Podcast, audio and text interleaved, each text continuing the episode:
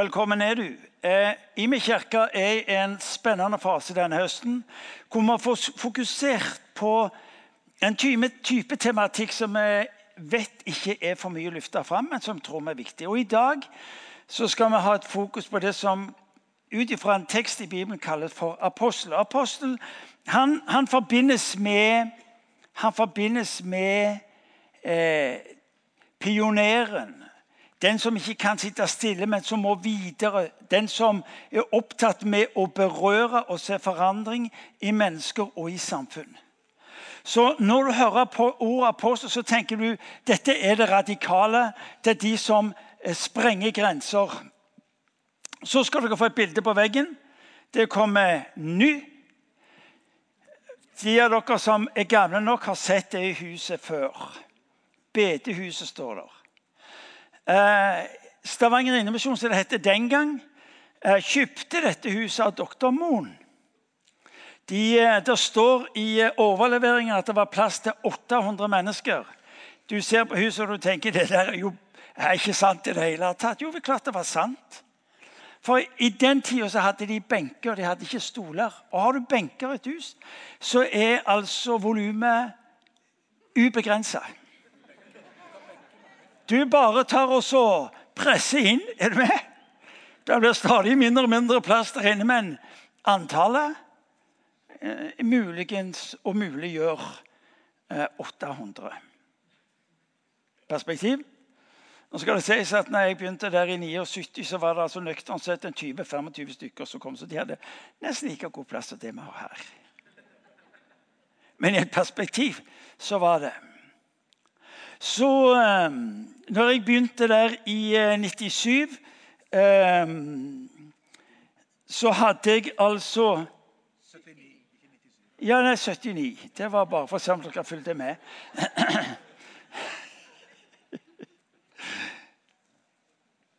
...79.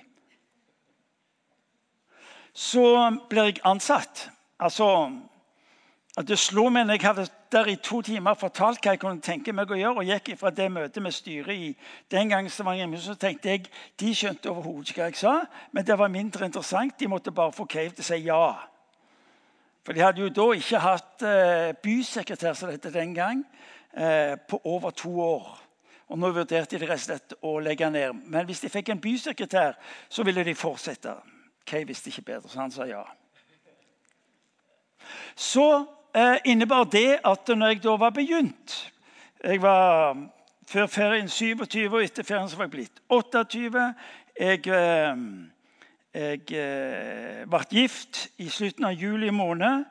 Det sammen med at jeg begynte 1.9. gjorde at jeg begynte å miste håret. Så har du en forklaring på det òg. Jeg er enig. Det er på kanten av å være dårlig humor, men dog. Dog. Så når jeg da begynte så i dette lokalet, som ikke da lenger hadde benker, men de hadde stoler, og de stolene de hadde de kjøpt rett etter andre verdenskrig fordi de skulle bygge nytt bedehus. Og det bedehuset det kom jo aldri. Så de gamle stolene de ble jo stående der, og de ble stående på linja, for alt skulle være linja. Så når jeg kom inn, kan du se det for deg? Du kom inn, så har du akkurat sånn som dette her, og så hadde du under galleriet på den sida sto de rett ut, og på samme der rett ut. Så jeg tenkte jeg må, jeg må bidra til fornyelse i dette huset. Jeg tenkte Hvis jeg nå skrår de stolene lengst ute på begge sider, så blir det litt mer intimt. Ser dere det for dere? Ja. Så jeg tenkte jeg tar sjansen. Det er radikalt, men jeg snur stolene litt. Grann. Ja. Og da var det jo klart at eh, når Gunda kom inn og så dette for første gang, så sa hun Hva? Du er akkurat som på teater!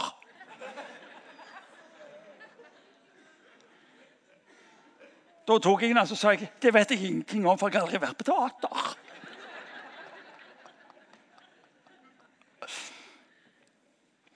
Radikalt. Typisk uttrykk for apostel. Snur på stolene. Opplevelsen var definitivt sånn sjelsettende. Men det stoppa jo ikke der, i dette gamle, flotte bedehuset. Ja, Det var flott, det skal jeg si deg. Én gang. Men i vår tid var det slutt. Der var det bare utedass. Nei, forresten, det var ikke sant. Det var inne men det var ingen, ingen som gikk på den inne, for det var bare rotter. Så apropos, det hadde jo slik at når jeg eh, Vi flytta inn i litt lenger bort i Bergelandsgata, så, så gikk jo altså utgiftene på toalettpapir gikk jo så kraftig opp. Dramatisk. Så jeg sa til styret hva er dette for noe? Tar folk toalettruller med seg hjem? Nei, Martin, kjære deg, det var noe lett å fortelle og forklare seg, for det var ingen som på do i det gamle bedehuset. Så det andre de hadde når jeg begynte i dette flotte lokalet som det en gang var, så hadde de talerstol. Og talerstolen den gang den var av en sånn karakter at det gikk en vegg opp. Kan dere se det for dere? Ja, Dere som gamle nok husker disse gamle bedehusene. Så det gikk en vegg opp foran på talerstolen eh, fra plattformen. Og så midt på så gikk det et sånn opphøya sted. Er du med? talerstolen. og der sto du. Så når du talte, så var det akkurat som du hadde hodet sånn ko-ko. Er du med sånn? Du ser det for deg? Ja. Noen av dere ler fordi dere har sett det så mange ganger. Men akkurat det, er sant, det var sånn. Dette gjerdet opp det var nesten skulle de skape distanse eller beskyttelse. Hvem som skulle beskyttes, vet jeg ikke, men, så var det sånn opp. Og så var det at de plasserte predikanten bak dette her uh, utgaven av et fuglebur eller noe. den turen. Så jeg tenkte der jeg kom og visste ikke bedre. For jeg hadde jo ingen erfaring fra bedehusmiljø eller kirke. Jeg hadde jo gått på gata og vitna for folk. Så, så, jeg tenkte meg, jeg må rive ned det der. Det stenger jo. Hindrer for ånden. Eller noe i den duren. Så jeg sa til styret kan jeg få lov til å rive det ned. Ja, lang debatt. Men Caves liv er veldig sånn kort avstand mellom tanke og handling. Så jeg, styr, jeg river det ned. Ja, ja, men da måtte, da måtte jeg gjøre det alene. Ja, jeg samme for meg, sier jeg. Meg og fru Kay vet du, vi har ikke vært der mange månedene. Skulle sett oss. Ansatt som pastorpar. Noe av det første vi gjorde, det var altså å snu litt på stolene og rive ned den gamle plattformen. Ja, du, du skulle ha vært der. Vi hadde ikke, vi hadde ikke mobil. Er du med? Med, det hadde gjort seg. Det tenker jeg på nå, men det er jo altfor seint. Men uansett Så vi reiv det ned, vet du. Kan du tenke deg, Der hadde dette stått sånn siden 1909. Og Da kom denne caven inn, og så river han her. Og så Fredagen rev jeg ned.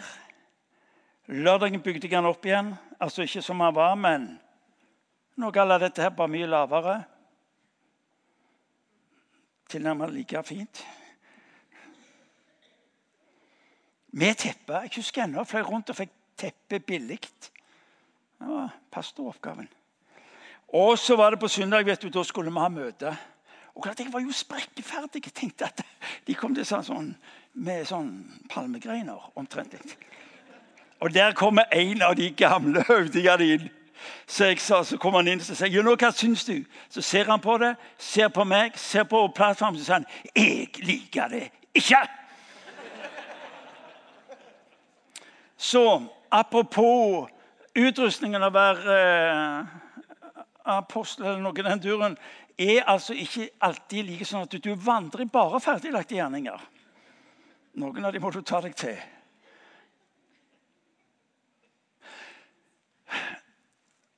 Hør nå. Dette er en del av mitt historie, og vi ler av den. Men, men, det er uhyre interessant hvor disse små tingene er med på å skape store reaksjoner hvis du har et forhold til det som er veldig tett og veldig sterkt. Når vi nå denne høsten har vært opptatt med å skulle få lov til å gå inn i når Paulus gir oss en måte å forstå hvordan mennesker skal fungere, så er ikke dette noe som denne apostelen Paulus finner på av egen sånn. Dette må vi gjøre. Han går tilbake til Matteus 16, hvor Jesus sier jeg vil bygge min kirke. Og hvis ikke du og meg får tak i at kirka er ikke primært spørsmål om pastor, men det er spørsmål om Gud, så bommer vi. Hvis ikke du og meg får tak i at kirka eller menighet Jesus sier jeg vil bygge min menighet, så sier han på deg, Peter. Peter er i og for seg uinteressant i dette, for poenget er jeg vil forankre det i mennesket. Det er det Jesus sier. Når Gud skal bygge sin menighet, så er det med forankring i mennesket. Dette må du og meg få tak i. Fordi Hvis vi ikke får tak i det, så blir vi sånn såkalt spirituelle i den forstand at alt handler om Gud. Alt handler ikke om Gud. Ja, Gud er god, sier det som at det var han som gjorde alt. Det det er ikke det. Når Paulus eh, anerkjenner menigheten til Salonika, så sier han eh, vitnesbyrd om deres kjærlighet når utover hele lille Asia. Det er noen som har valgt å respondere på det Gud griper inn i denne verden med. Hvis ikke du og meg gjør det samme, så kan vi være så åndelige som vi bare vil.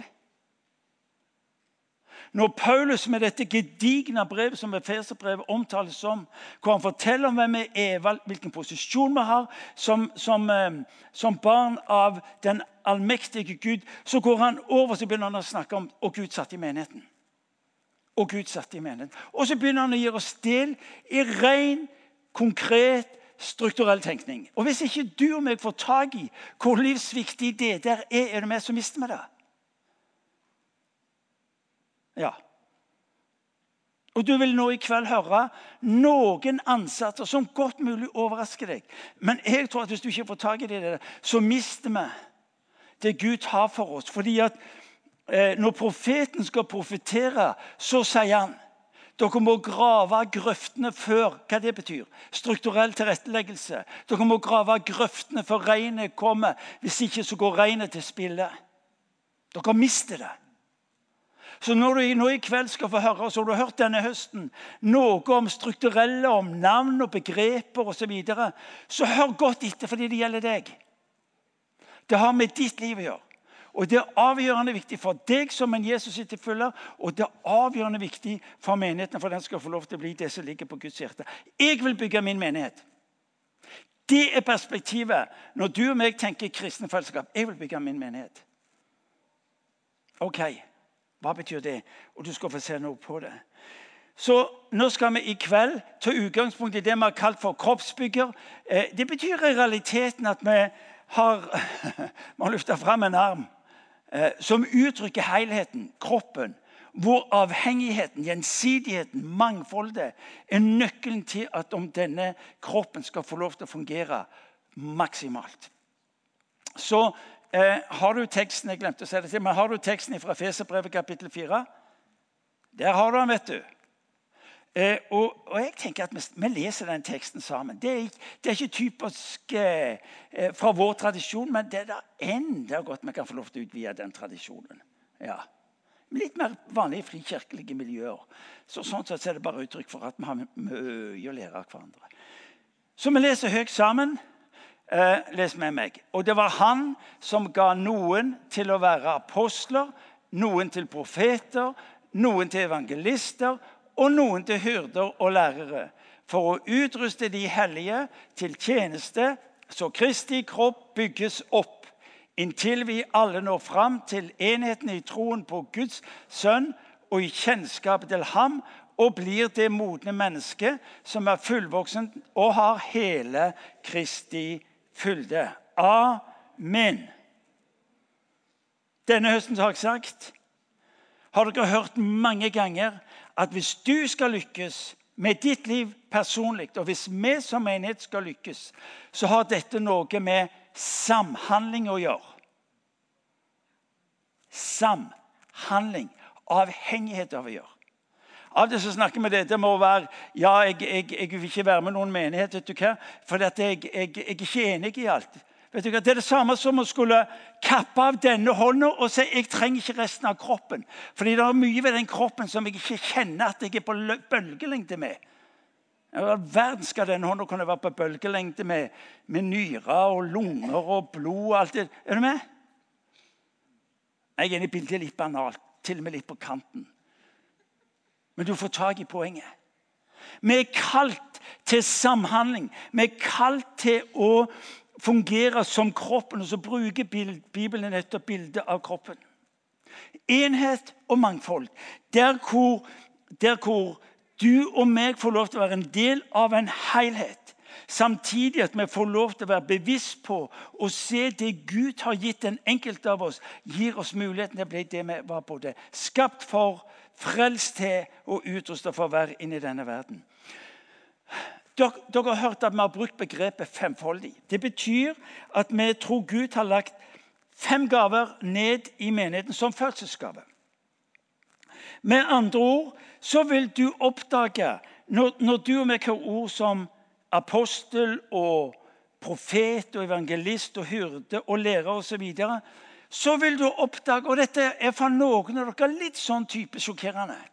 Det er nemlig at når du og meg møter begrep av denne type, så tar egentlig Bibelen, utgangspunkt i fødselsgaver. Det betyr alle mennesker har det. Alle mennesker har det. Når du ser disse ulike gavene komme til uttrykk i mennesker rundt oss, hos mennesker som ikke er kristne, så vil du oppdage at normalen er at når Gud handler inn i denne verden ved mennesker, så tar han utgangspunkt i det han har skapt.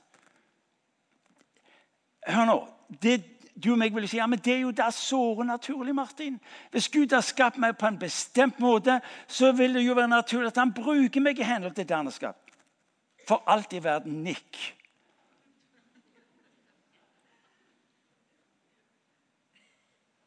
Jeg har ikke lyst til å være lovsangsleder. Nei vel?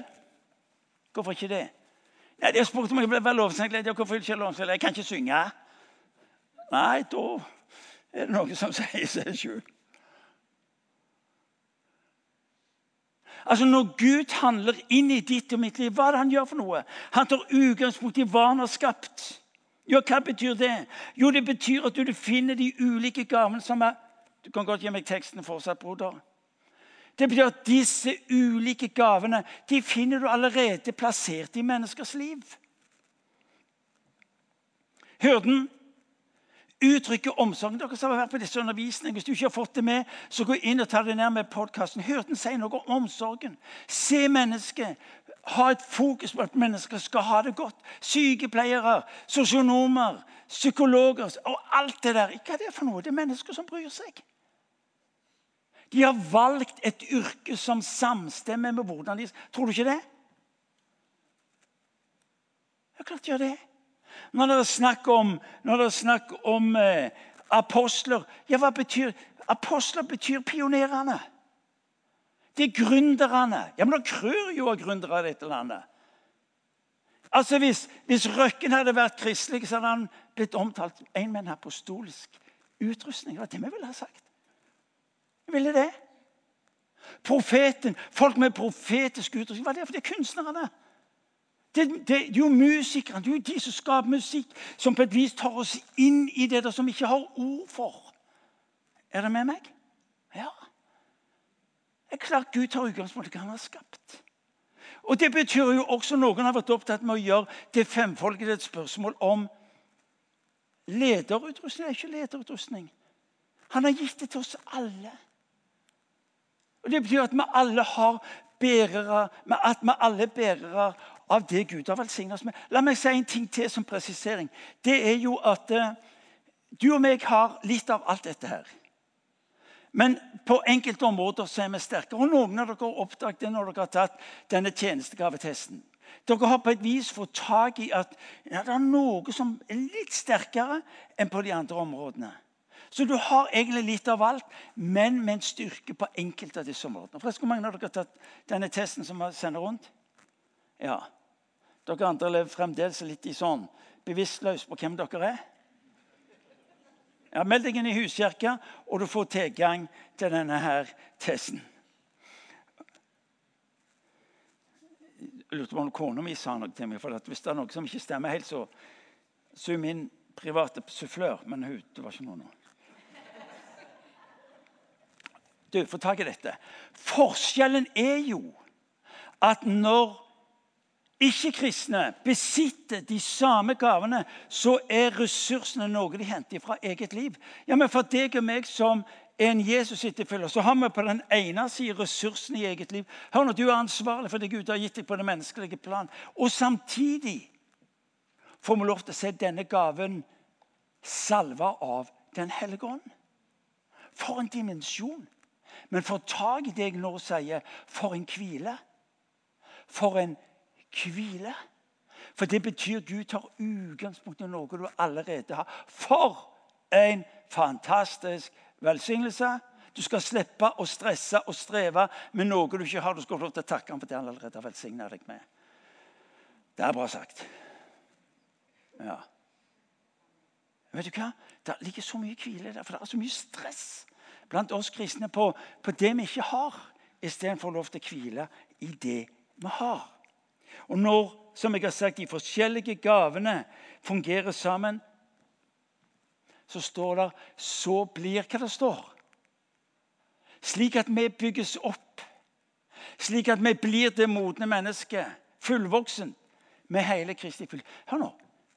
Det er når du og meg med våre gaver samhandler, at vi bygges opp. Blir sted for hele Kristi fylde. Nå skal du høre noe som jeg opplever egentlig svært alvorlig. Vi har så mange ganger sett hvordan Gud har slått ned med et åndelig vær som hadde en avgjørende betydning fra by og bygder. Men så mista de det.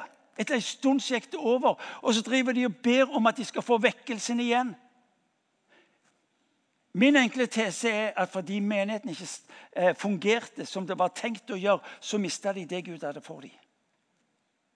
Det var en fantastisk happening mens det sto på, men det var noe med karet som dette skulle få lov til å fungere innenfor, som ikke funka.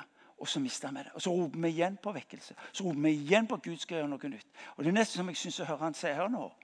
Kan ikke dere heller ta mitt ord på alvor og la menigheten bli bygd som jeg har designa dere for, og dere vil beholde? Dere vil beholde. Dere har hørt meg si det mange ganger at når den første kristne kirka, som ikke hadde noe annet å bygge på enn nettopp det som Paulus underviste dem om vet du hva? De levde i en permanent vekkelse og forfølgelse fra Jesus forlot dem. Og Fram til år 100 vokser menigheten fra ca. noen få tusen i år 30 til ca. 100 000. De levde i denne kontinuerlige vekkelsen. Fra århundre til år 300 vokser den til 28 millioner. De hadde ikke noe kirkebygg, de hadde ikke noen teologiske institusjoner. Men i det var det altså en forvaltning av det de hadde, som gjorde at det var noe som bare rulla og gikk. Når du og meg ber om vekkelse, vet du hva vi skal be om? Gud vil istandsette din menighet på en slik en måte at den både er i stand til å løse ut ved din ånd, men også forvalte, bevare og føre videre det som er din vekkelse. Er dere med meg? Ja, godt. Du skjønner at når du og meg får lov til å leve, hva blir resultatet? Det blir jo nettopp Kristi fylde blir ikke bare en størrelse vi har teoretisk forhold til, men Kristi fylde blir en virkelighet vi får lov til å leve i og leve ut. Det er jo interessant. Det er interessant. Her står det ingenting om bønn. Det står ingenting om lovsang. Det er det snakk om, det er at når disse fem gavene får lov til å samvirke, så snakkes det om fylde, om modenhet, om å bli oppbygget. Ja, er det andre mindre? Og langt ifra det er ikke det jeg sier. Men hvis ikke du med både tenker i det åndelige med et åndens nedslag, og samtidig tenker i det konkret, menneskelige, om du vil, strukturelle Hvis ikke vi holder de to tingene sammen, så mister vi det. Ja, bare så mye du vet det.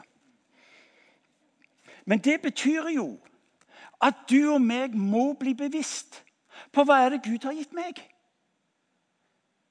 Jeg kan da ikke leve bevisstløst i hva Gud har gitt meg. Og så er det menighetens oppgave å hjelpe den enkelte til å bli bevisst på hva er det Gud har gitt meg. For det er jo nettopp i denne etterfølgelsen av Kristus jeg blir bevisst på min egen utrustning. Min egen gave. Det handler jo om hva er det jeg oppdager hos Jesus som opptar meg. Når du leser Bibelen, hva, hva, hva er det som tiltar hans, hans, hans, lidenskap? I å skulle bringe rettferdighet fram. Profeten. Noen av dere vil være opptatt med hans omsorg. Han stoppet opp, han lot seg stoppe av mennesker. Ja, det, det, du, du, møter hyrdehjerte. Ja, og så sier ja, men du må ikke gå videre, Jesus. for du må, Her er det åpenhet for evangeliet. Og Jesus sier jeg kan ikke stoppe, jeg må gå videre. Og så oppdager de det er noe av det apostolisk. Altså, Hva er det ved Jesus som tiltrekker deg? og du gjenkjenner noe av dette i ditt eget liv. Hva er det du opplever brenner hos deg? Og tenker, det der brenner hos meg òg. Det er det som opptar meg. Og så blir du mer og mer bevisst på hvem du er, og hva Gud har skapt deg til å være. Så blir altså disippelskapet Disippelskapet i menigheten og i eget liv er selve stedet hvor jeg blir bevisst på den nåden som Paulus kaller det for. Og får hjelp til å se den vokse og leve den ut. Hør nå. Han har gått ute. Testen på dette er Når du hører forkynnelse Når du kommer på et sted hvor du hører forkynnelse, så skjer det noe uhyre interessant med oss alle sammen. Noen av disse talerne liker du, noen av dem misliker du. Noen av dem syns du er veldig interessante, noen syns du ikke er interessant i det hele tatt. Hva er det som skjer? Du syns det er interessant fra den som ligner på deg. Eller motsatt. Bare, bare prøv. Når du hører en som taler, så tenker du wow, dette var bra. Ja, dette var bra. Ja, hva konkluderer du med? Jo, han der liker meg. Helt sant. Jeg vet det, jeg vet på meg sjøl. De, som, de som er opptatt med omsorgen og, og, at mennesker ikke må få for mange utfordringer, alt det, de, de hører han med denne personen med profetisk utrustning begynner å tale. Klart de synes dette, Nå går du altfor langt. Du kan ikke utfordre sånn. Nei, sant? Det er litt interessant, det der. Fordi at vi, vi heier på å anerkjenne det som er likt vårt eget. Mens de som har en profetisk utrustning og, og kjenner den apostoliske uh, vi, vi, er nødt til å gå videre. De, de kan synes at nå blir det fryktelig mye sånn veiledningsfokusert og sitte på Guds fang og Er du med? Og sitte i dusjen og Er du med? Ja, men gjør jo det. Jeg må komme videre nå. Jeg kan ikke sitte i den der dusjen hele livet.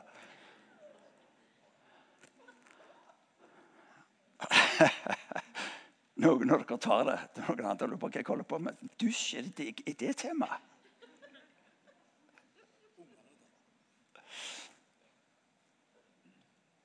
Altså, du, du er tiltrukket av de som du ligner på. Men vet du hva? Det er helt i orden. Heldigvis. Men vet du hva du må slutte med? Du må slutte å si vet du hva? Nei, den der forkynnelsen den gir meg ingenting. Ergo. Ergo. Slutt med det. Det er bare at du er skrudd sammen annerledes. Så hvis det er noe som du opplever overhodet ikke når inn til deg, så er det godt mulig du skal si wow, her er det et område jeg tror jeg er nødt til å jobbe med. Det er noe der. Ja, nei, det var, ikke, det var ikke mye fundert i Guds ord, det der. Nei, Det er fordi du sitter der som lærer og skulle gjerne ønske at det var lærerundervisningen du fikk. Ja, evangelisten hva? Det var bare historier. Det var ikke Guds ord det hele tatt. Han fortalte bare historier. Er evangelisten. Han skal selge noe, han. Mens læreren som sitter her, tenkte vet du hva? Kjære Gud, altså, dette her var overflatisk, og, var, og her var det ikke dypt i det hele tatt. Er dere med meg? Ja. At, eh, men vi må slutte med det der. Fordi at når vi får lov til å samhandle med det Gud har gitt oss i det du hva? Hva er det folk får øye på? De får øye på Jesu ansikt. Folk gjør erfaring av Guds kraft nedfelt nettopp fordi at legemet fungerer. Ja.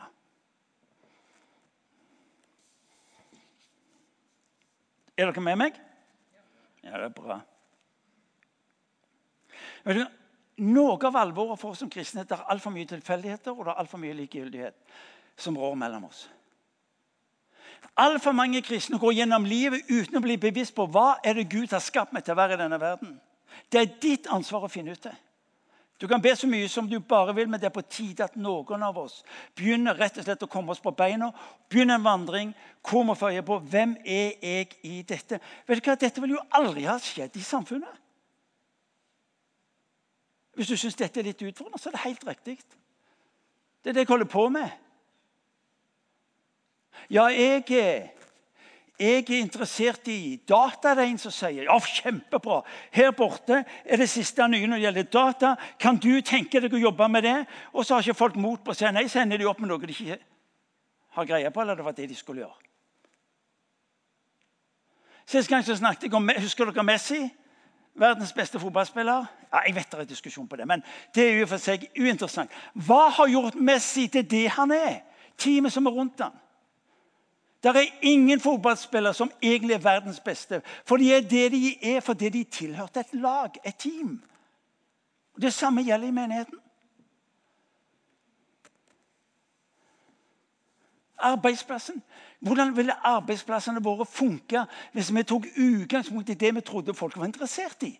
Istedenfor å finne ut hva er det Gud har gitt dem, eller hva, hva er det disse representerer. Så har de med seg et papir for det å gå på skole, og sånn sett, så kan de få tak i det.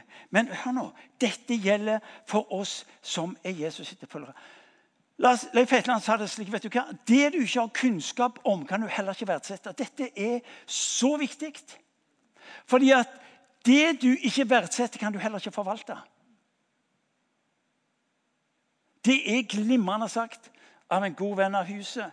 Hvis ikke du får kunnskap om hvem du er, hvem Gud har skapt deg til å være, hvem han har frelst deg til å bety, hva han har salva deg til for at du skal lykkes vet du hva? Hvis ikke du får den kunnskapen, vet du hva? så er du heller ikke i stand til å verdsette det Gud har gitt deg.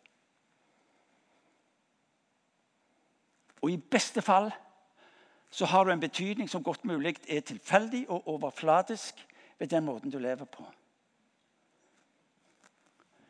Du er nødt til å få tak i hvem er det Gud har skapt deg til å være i denne verden. Du er skapt med en hensikt.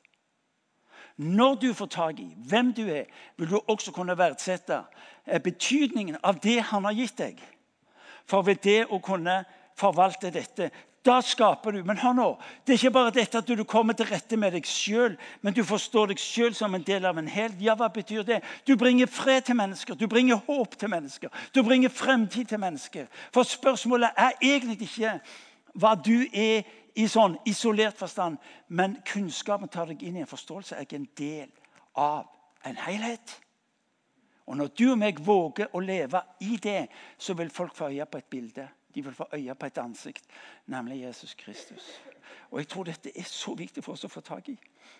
Det er så godt at jeg ikke ser hvor mye klokka har gått. Jeg har ikke tenkt å slutte ennå. Så du kan trekke pusten to ganger, for nå begynner, nå begynner jeg. Når vi i dag fokuserer på aposteltjenesten, så hører du apostel i to ulike betydninger. Det ene er de første tolv som Jesus hadde. Nettopp fordi at det var den begrensa forståelsen av ordet apostel, gjorde at folk avviste hele tenkningen om apostel, aposteltjeneste. Eh, apostelsalvelse. Fordi man hadde begrensa det til disse tolv. Men når du leser apostlenes gjerninger, når du leser brevlitteraturen, så vil du oppdage at Paulus stadig vekk betegner mennesker og seg selv som apostel. Du finner akkurat det samme i det profetiske. Hvor folk mener at profetene de opphørte gamle, med Gammeltestamentet og har ingen relevans i vår tid. Men det er fordi at man ikke har kunnskap.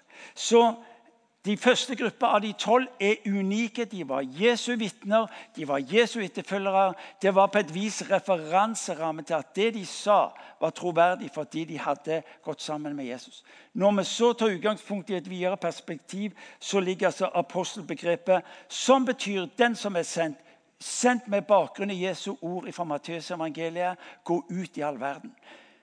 Vi er sendt på en spesiell måte som menighet og som en enkeltmennesker til å bety denne forskjellen der ute med et bestemt budskap. Hvor Jesus er et forbilde. Nei, jeg kan ikke stoppe, jeg må videre. Hvor disse tolv, når de har vært i Jerusalem en stund, blir spredt over hele Lille-Asia til å bety en forskjell. Og så er det kirkens historie som du og meg får lov til å være en del av. Det de representerte, disse såkalte apostlene, men apostels utrustning, de betydde forandring. Apostel vil alltid representere forandring. Alltid vil de representere forandring. Du sa sekulært du finner det i næringsliv. Røkke, Fredriksen, Stordalen eller hva de måtte hente for noe. Men vi har det òg i vårt eget hus. Bjørn Kåre Bossi. Bjørn Kåre er en av medlemmene våre. Driver mye innenfor forretning, ulike typer virksomheter. Altså, han, han kan jo aldri sitte rolig. Han er alltid opptatt med å skulle skape noe nytt. Har det vært eiendom og så noen andre ting som ikke greier på? Plutselig så oppdager han begynner med bil. Hva i verden du holder på med? Nei, nei jeg, plutselig så, så jeg en mulighet til å begynne med å drive Nå driver han noe av det mest vellykka når det gjelder bilsalg. Ja, Vi stopper jo ikke der, for nå har han begynt med hva det kalles for disse hvor de bor i bilen. Bobil!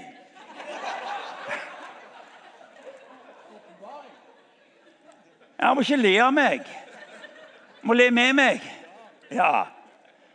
Plutselig, Hva du holder på med, sier jeg. Var det ikke nok med, med vanlige biler? Nei, bobil, Martin, det er tingen. Du skal ikke ha en bobil, vel? Plagte meg å Du, du skal ha bil, hører jeg. Hva var kjørt i vrak hele sitt liv, han. Fordi at jeg tenkte at vi uh, må jo være nøkterne.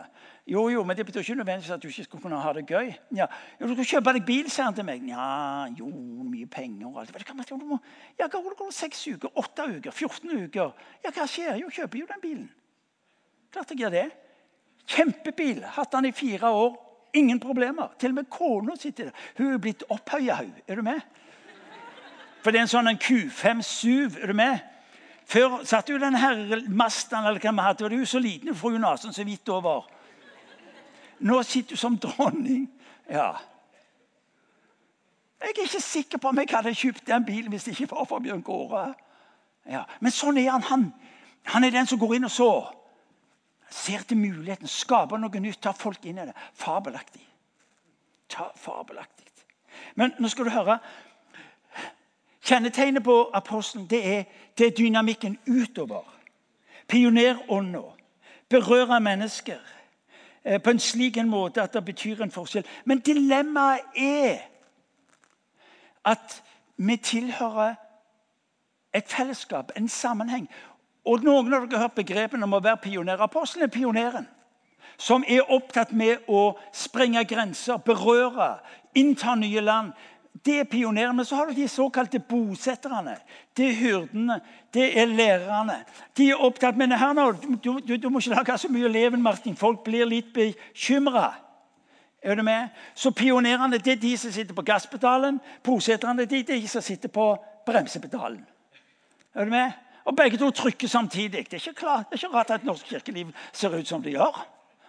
Ja, Nå tenker jeg ikke kirka den norske, men jeg tenker generelt. Nei, egentlig så er det ikke sant. Fordi at eh, apostelprofet er, er problematiske størrelser i Guds familie. Fordi at eh, der, er, er, en kultur i kirka vår og i samfunnet vårt Parentes, vi har hatt en test ute blant medlemmene våre. Går flere hundre på svar. Nesten gjennomgående er den største gruppa hyrder, omsorgspersoner og lærere. Det er ikke lett å være eh, profet eller ha en apostolisk utrustning i det der. Fordi dette blir komplisert, dette blir problematisk. Martin, Når du holder på sånn, så blir folk bekymra. De blir urolige. De vet ikke hva de skal gjøre. Og så vil de med en apostolisk utrustning og de som har en profetisk utrustning, de vil oppleve at de blir avvist. Noe av det mest tankevekkende det å oppdage at egentlig består norsk kirkeliv Nå snakker jeg generelt. Består av, av hyrder og lærere. Og så har de på et vis forsvunnet ut. Ut forbi eh, og blitt vanvittig dyktige forretningsfolk.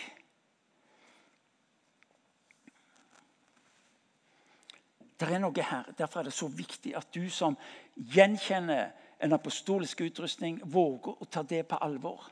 Fordi at, og Dette må du nå få tak i på det jeg nå sier. Det er nemlig apostelen som sitter i førersetet. Hvis menigheten mister personen eller personen med en apostolisk eh, utrustning, så vil menigheten begynne å gå i sirkel. Fordi den vil ikke orke forandringen. Den vil ikke orke å skulle nytenkne. Jeg husker ennå hvor en god venn av dette huset sa for noen år tilbake Da vi hadde nettopp flyttet inn i dette huset, og jeg delte med noen av de ting som jeg tror Gud har lagt på hjertene våre for tida som lå foran, så tok han ord og så sa han, vet du hva? Jeg hadde jo trodd at vi nå skulle få pause en stund. Men når jeg hører på deg, så skjønner jeg jo at forandringer kom for å bli i dette huset. Det er noe der. Det er noe der. Hvorfor, hvorfor er det så avgjørende viktig at du får tak i at den apostoliske utrustning sitter i førersetet? Fordi at de andre gavene fullendes og blir det de skal, var tenkt å bli, nettopp fordi de må være i bevegelse. Når, når Bibelen taler om det femfoldige, så er det ikke det sement. Det er ikke noe som er hogd inn i stein. Det er noe som lever kontinuerlig.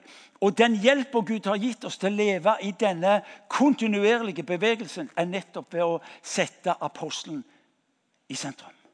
Ikke som den viktigste, men som den som hjelper oss andre til å ha retningen på det vi skal være en del av. For Jeg husker Irene sa det for mange år siden. Hun sa eh, i forbindelse med veiledning og, og helbredelse så vet du hva? Vårt viktigste mål er primært ikke å få folk friske. Men til å hjelpe dem inn i det som var Guds plan for deres liv, og som de gjenkjente Gud hadde velsigna dem til å være i. Er du med? Ja, Hvis det er tilfellet, så er det avgjørende viktig at du og vi får lov til å være i denne bevegelsen.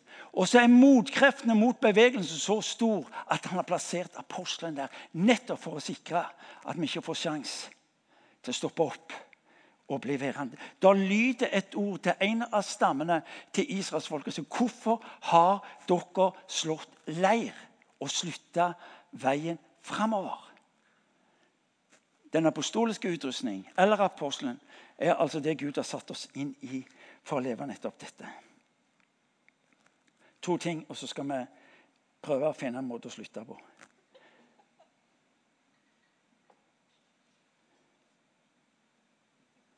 I 4. Mosebok kapittel 13 vers 14 så leser vi om en uhyre interessant eh, hendelse i israelsfolkets historie. De har opplevd miraklene i Egypt, de har opplevd vandringen. Eh, og nå står de og ser inn i det lovede land som var lovt gjennom generasjoner. Moses sender inn tolv såkalte speidere, eller høvdinger, som det står. Ledere. Han, han sendte de inn fordi de representerte de representerte denne her apostoliske måten å tenke på. Så de, de, gikk inn i et land hvor de kjente at Gud hadde kalt dem til å gå inn i. Inn i dette landet så oppdager de at alt det de har hørt av løfter, stemmer. Det er riktig. Dette landet flyter i sannhet over av melk. Men det var noe med dette apostoliske lederskapet som stoppa opp fordi de begynte å se på omgivelsene og begynte å konkludere med at dette går ikke i hop. Og så begynner de med en type lovsang på sin egen elendighet. Det er mye lovsang på egen elendighet. Det ligger veldig nært for oss. Og de sa, 'Hvem er vel med?' Vi er jo som gresshopper i øynene på de som bor i dette landet. Og, og, slik tenkte også de. Og så blir altså den utrustningen de hadde som ledere, vet du hva, den bare fordufter. Det, det er mulig å ha en apostolisk utrustning og miste den. Fordi at jeg definerer mulighetene ut ifra omstendighetene. Midt iblant den flokken på tolv er det to stykker som bærer en profetisk utrustning. Det er Josva og Caleb. For hva er det De gjør? De løfter fram det som ligger på Guds hjerte. De løfter fram det som har vært Guds plan for tiden. Profetene vil alltid høre Gud, hva gjør du nå? Hva gjør du nå? Og så sier de hør nå, dere må, dere må ikke gjøre det. Jo da, de er store. De er voldsomme. Men Gud har lovt å være med oss. Profeten vil alltid søke Vil alltid søke å gi og gi apostelen det han trenger for å fullføre. Så når Gud gir oss og har både en apostel og en profettjeneste i menigheten, så er det nettopp fordi at vi skal få lov til å bevege oss framover som en menighet for å se det Paulus nevner i teksten virkelig gjort mellom oss. Hvordan? Og det er det siste. Hvordan? Hvordan kan du og meg få lov til å være tro med det vi møter, som, nå, eh, som vi har fått i eget liv? Og Nå henvender jeg meg til dere som kjenner vet du hva, Det er noe der inne. Jeg har denne her ubendige trangen. Folk sier til meg du er alltid inne på noe nytt osv. Vet du? Det mest alvorlige er at mange av de som kjente det, ble tause. For de orka ikke en ny kamp. Det var altfor mange av de som tenkte vet du hva, jeg, eh, jeg menger meg heller, og så skiller jeg meg ikke ut. Men du som gjenkjenner, hør nå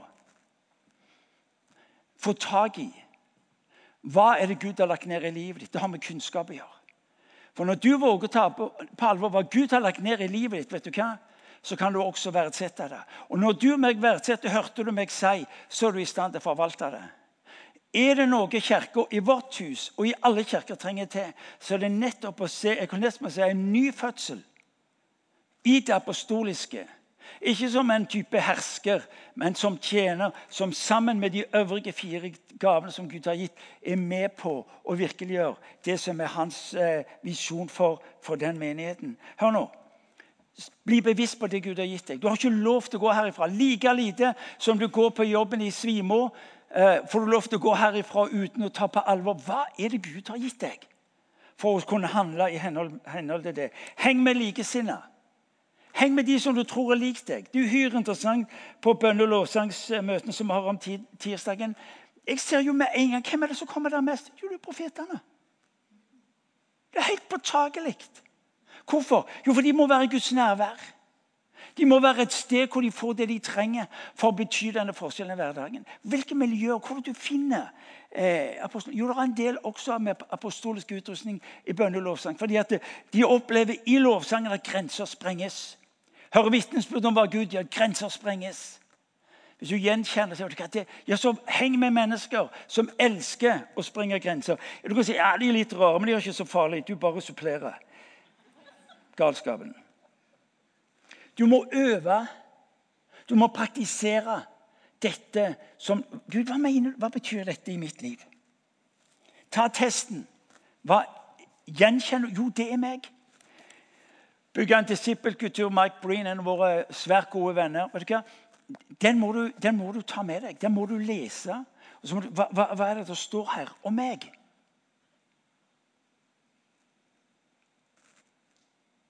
Forstår du hva jeg sier?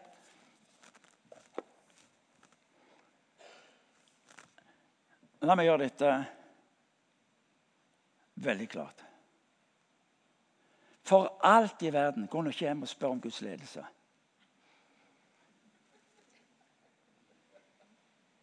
Kan dere gjøre meg den tjenesten? Ikke gå hjem og spør om Guds ledelse. Dette har ikke med ånden å dette, har, dette sitter med løyrene dine. Av å våge Gud Jo, det er meg. Jeg har visst det i mange år.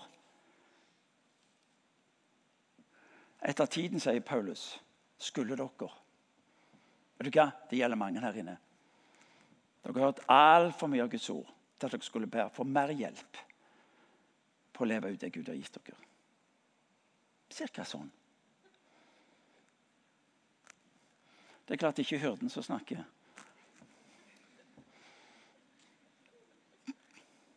Jeg er gift med en hyrde, så jeg vet hvordan hyrden tenker. Kan ikke si det sånn, Martin. Ja, nå har jeg gjort det.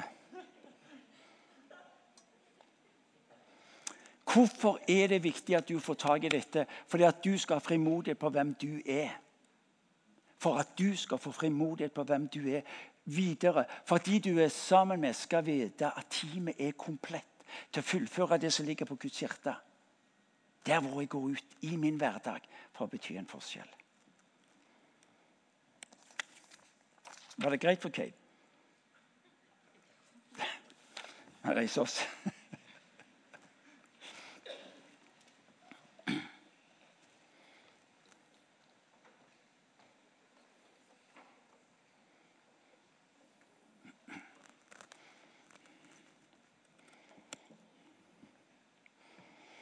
Jeg bare si det at jeg har, eh, jeg har leda lovsang. Ja. Jeg hadde et team på fire stykker og leda lovsang i Elin på Sandnes. Når vi var ferdig, så kom jeg inn og møtte deltakerne til meg og sa han, det var fint å høre dere synge, men dere kunne jo ha øvd hjemme.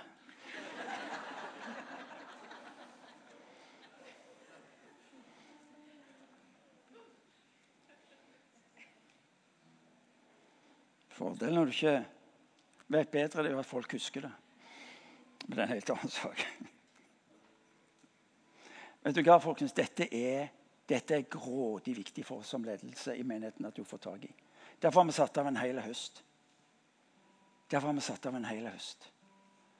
Du har ingen sjanse til å bli det Gud har for denne verden ved ditt liv, uten at du er en del av en menighet. Du har ikke en sjanse. For denne hånda mi her, den er avgjørende viktig. Den er avgjørende avhengig av resten av kroppen min.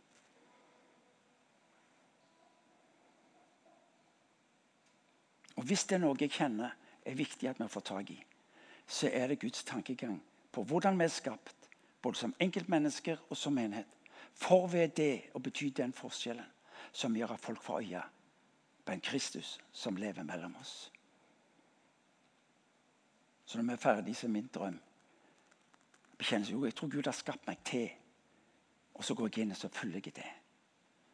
Slutten av november måned så skal vi ha kurs hvor du skal ja, okay, hvem er jeg? jeg trenger litt mer hjelp. Så skal du i slutten av november måned fram til begynnelsen av desember så skal vi gå i dybden for Sette av den tida. Datoene kommer opp nå i neste uke. Sette av den tida, slik at du eh, Å, jeg må være der. For jeg vil ikke gå glipp av det Gud har for meg. Vet du hva som er interessant? Det er at Når Paulus ønsker deg og meg velkommen hjem Paulus skriver om dette i første brev til korinterne. Så sier han når du kommer hjem, så sier han du skal bli møtt med av han som sier 'velkommen inn'. Du trofaste og tro. Trofast på hva? Ikke hva du presterte, men hvordan du forvalta det Gud hadde gitt deg.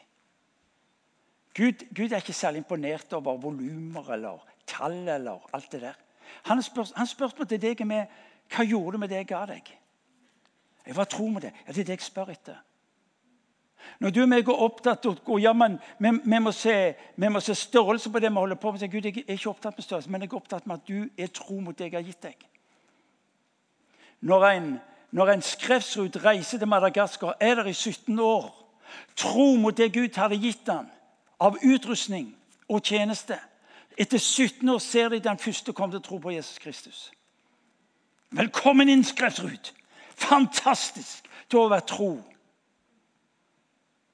Og det skal gi for mange av dere som er i dette rommet, skal det gi en hvile. Hør nå, det skal gi en hvile for dere at det, det at du er opptatt med regnestykkene på ditt liv, hva du fikk til og ikke fikk til, vet du, du skal slippe det. Du skal få lov til å spørre hvem er jeg hva er det Gud har lagt ned i mitt liv? Hva slags, hva slags nåde er det, som Paulus kaller det i Efeserbrev 4? Hva slags nåde er det? Apostel, profet, evangelist, hørte og lærer. Jeg, jeg, herre, jeg, jeg vil så gjerne bare være tro mot det. Ja, Det er det han er opptatt med. Det er det han er opptatt med. Så du som holder på med regnestykkene, slutt med dem. For det opptar han ikke. Men han spør er du tro mot det jeg har gitt deg. Og Det er derfor vi har disse kursene, denne undervisningen denne høsten. Så min bønn vil være om at du skal våge å være tro enten på det du har oppdaget i ditt liv til i dag, eller på det du kjenner en vandring Gud har for deg i tida som ligger foran. Og om du kjenner ja, det er meg. Om du herren kjenner er det noe jeg ikke er, så er det apostel eller har en apostolisk utrustning. Ja, Da skal du sannelig være med å be om at den skal løses ut. Slik at de som har det, får mot til å våge å leve. Er dere med meg? Ja. For når dere vet at den er på plass, da vil vi alle sammen fungere som et megateam. Som betyr den forskjellen vi er kalt til å være i denne verden. Så Vi har alle våre liturgier, men kan jeg be dere bare legge hånda på hjertet som uttrykk for at eh, Altså, I bibelsk kontekst er hjertet sentrum. Bevegelsessenteret i livet ditt. At du sier ja, det vil jeg. Det vil jeg. Så la oss be. Herre, vi takker deg fordi du har skapt oss på underfullt vis. Du har frelst oss ved nåde som er ubegripelige, grenseløs. Og så vil du ved det ta oss inn i det som er din hensikt med våre liv. Slik at mennesker erfarer en fylde av ditt nærvær. Et folk som modent samhandler med deg på det denne verden trenger. Du har aldri vendt denne verden ryggen, Gud. Du er ikke opptatt med våre regnestykker. Du elsker denne verden og har betalt en altfor høy pris til at du vender tommelen ned. Derfor ber jeg for la oss få lov til å være et folk. La oss få lov til å være en menighet, Herre, som er under ditt lederskap, under din konstruksjon, på en slik måte at Herre, vi blir det vi er både skapt og frelst til å være, utrusta til å være. Så jeg ber nå for meg og for oss som her. Far, jeg ber du skal forløse dette imellom oss. Du skal legge ned en pasjon i våre hjerter, Gud, til å ikke gi opp, til å presse på. Slik at vi både blir bevisst på slik vi kan verdsette oss, så forvalte det. Slik at det blir til liv for mennesker rundt oss. Far, vi ber om det i ditt navn.